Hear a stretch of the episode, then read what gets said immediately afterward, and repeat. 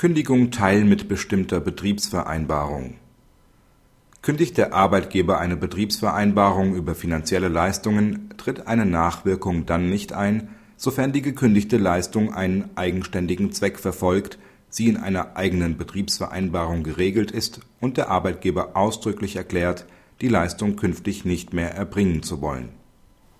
Im Betrieb des nicht tarifgebundenen Arbeitgebers besteht eine Betriebsvereinbarung über eine betriebliche Sonderzahlung.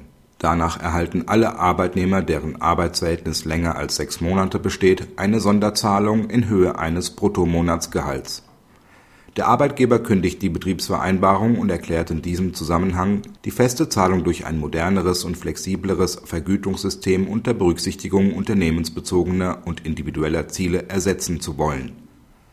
Eine Einigung mit dem Betriebsrat hinsichtlich dieser leistungsorientierten Vergütung kommt nicht zustande. Der Betriebsrat beantragt daraufhin festzustellen, dass die gekündigte Betriebsvereinbarung Nachwirkung entfaltet. Das BAG hält den Antrag für unbegründet nach seiner Auffassung ist eine Nachwirkung nicht eingetreten. Sinn und Zweck der Nachwirkung gemäß § 77 Absatz 6 Betriebsverfassungsgesetz ist die Wahrung betriebsverfassungsrechtlicher Mitbestimmungsrechte. Sind solche nicht betroffen, bedarf es der Nachwirkung nicht.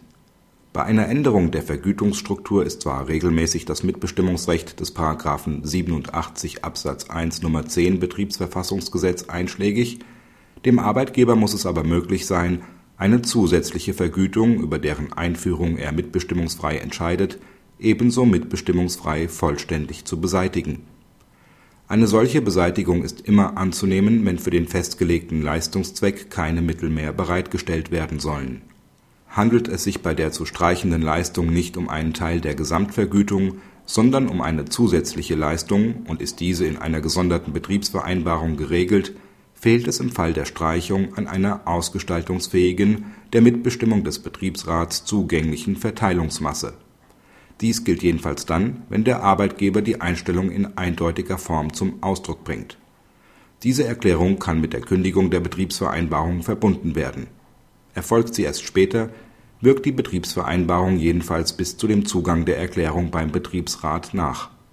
Im Streitfall liegen die genannten Voraussetzungen vor da sich der Arbeitgeber entschlossen hat, die ausschließlich an die Betriebszugehörigkeit geknüpfte feste Sonderzahlung einzustellen und stattdessen in Zukunft ein erfolgsabhängiges Bonusmodell einzuführen. Dies stellt sich nicht lediglich als eine Änderung des bisherigen Leistungsplans dar.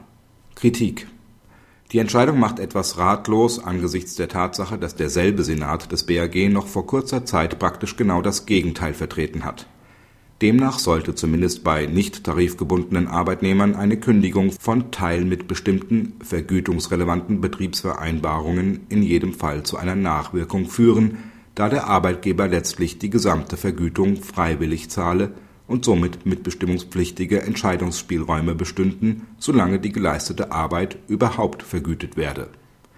Mit dieser Argumentation setzt sich das Gericht in der vorliegenden Entscheidung mit keinem Wort auseinander ob das kritische Thema Nachwirkungen im vergütungsrelevanten Bereich somit erledigt ist oder nicht, lässt sich kaum sicher sagen